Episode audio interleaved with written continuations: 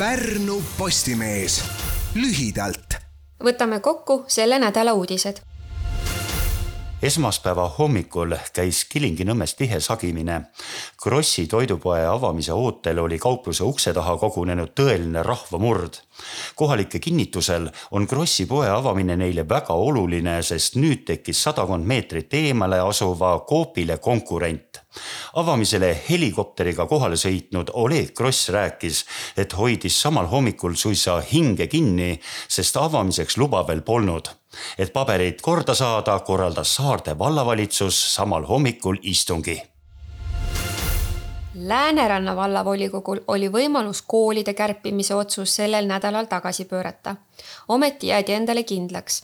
jõusse jäi vallavolikogu märtsikuine otsus, mis näeb ette Metsküla ja Lõppe kooli sulgemise juba sellest sügisest ning seni üheksaklassilise Virtsu kooli kärpimise neljaklassiliseks peale selle muutuvad Koonga ja Varbla kool senise üheksa klassi asemel kuueklassiliseks tuleva aasta septembrist hiljuti ilmusid Pärnu tänavatele betoonelevandid, mis osutusid kohe maid turismimagnetiks.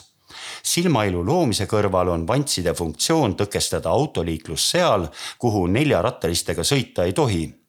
Elevandi tõkiste kavandid ja valamisvormid tegi skulptor Paul Mänd tõkised valas vormi, lihvis liitekohad ja kattis kivikaitsega Kiili Betoon OÜ.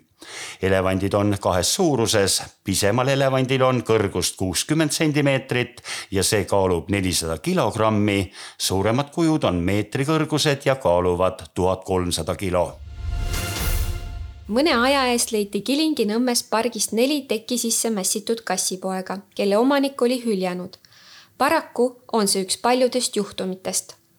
Pärnu loomade varjupaigas ootab kodu umbes nelikümmend hiirekütti ja iga päev lisandub varjupaika mõni kass. kuna kassipoegade hooaeg läheneb, on heatahtlike abi igati oodatud. näiteks võib varjupaika viia kassiliiva ja pasteeti, kel võimalik, saab teha rahalise annetuse kodulehe kaudu. Niisamuti on suureks abiks, kui pakkuda mõnele neljajalgsele kodu. Tähelepanelikumad möödujad on ehk märganud, et Pärnu Jaansoni raja vasakkaldale on ilmunud graffiti Vladimir Fetšinist ehk rahvakeeli pudelivovkast.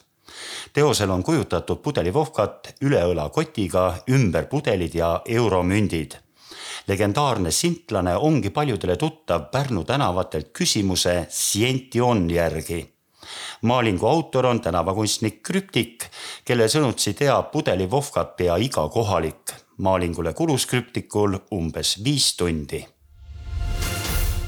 teisipäeva õhtul ristasid viikingid Pärnu muuseumi ees mõõgad.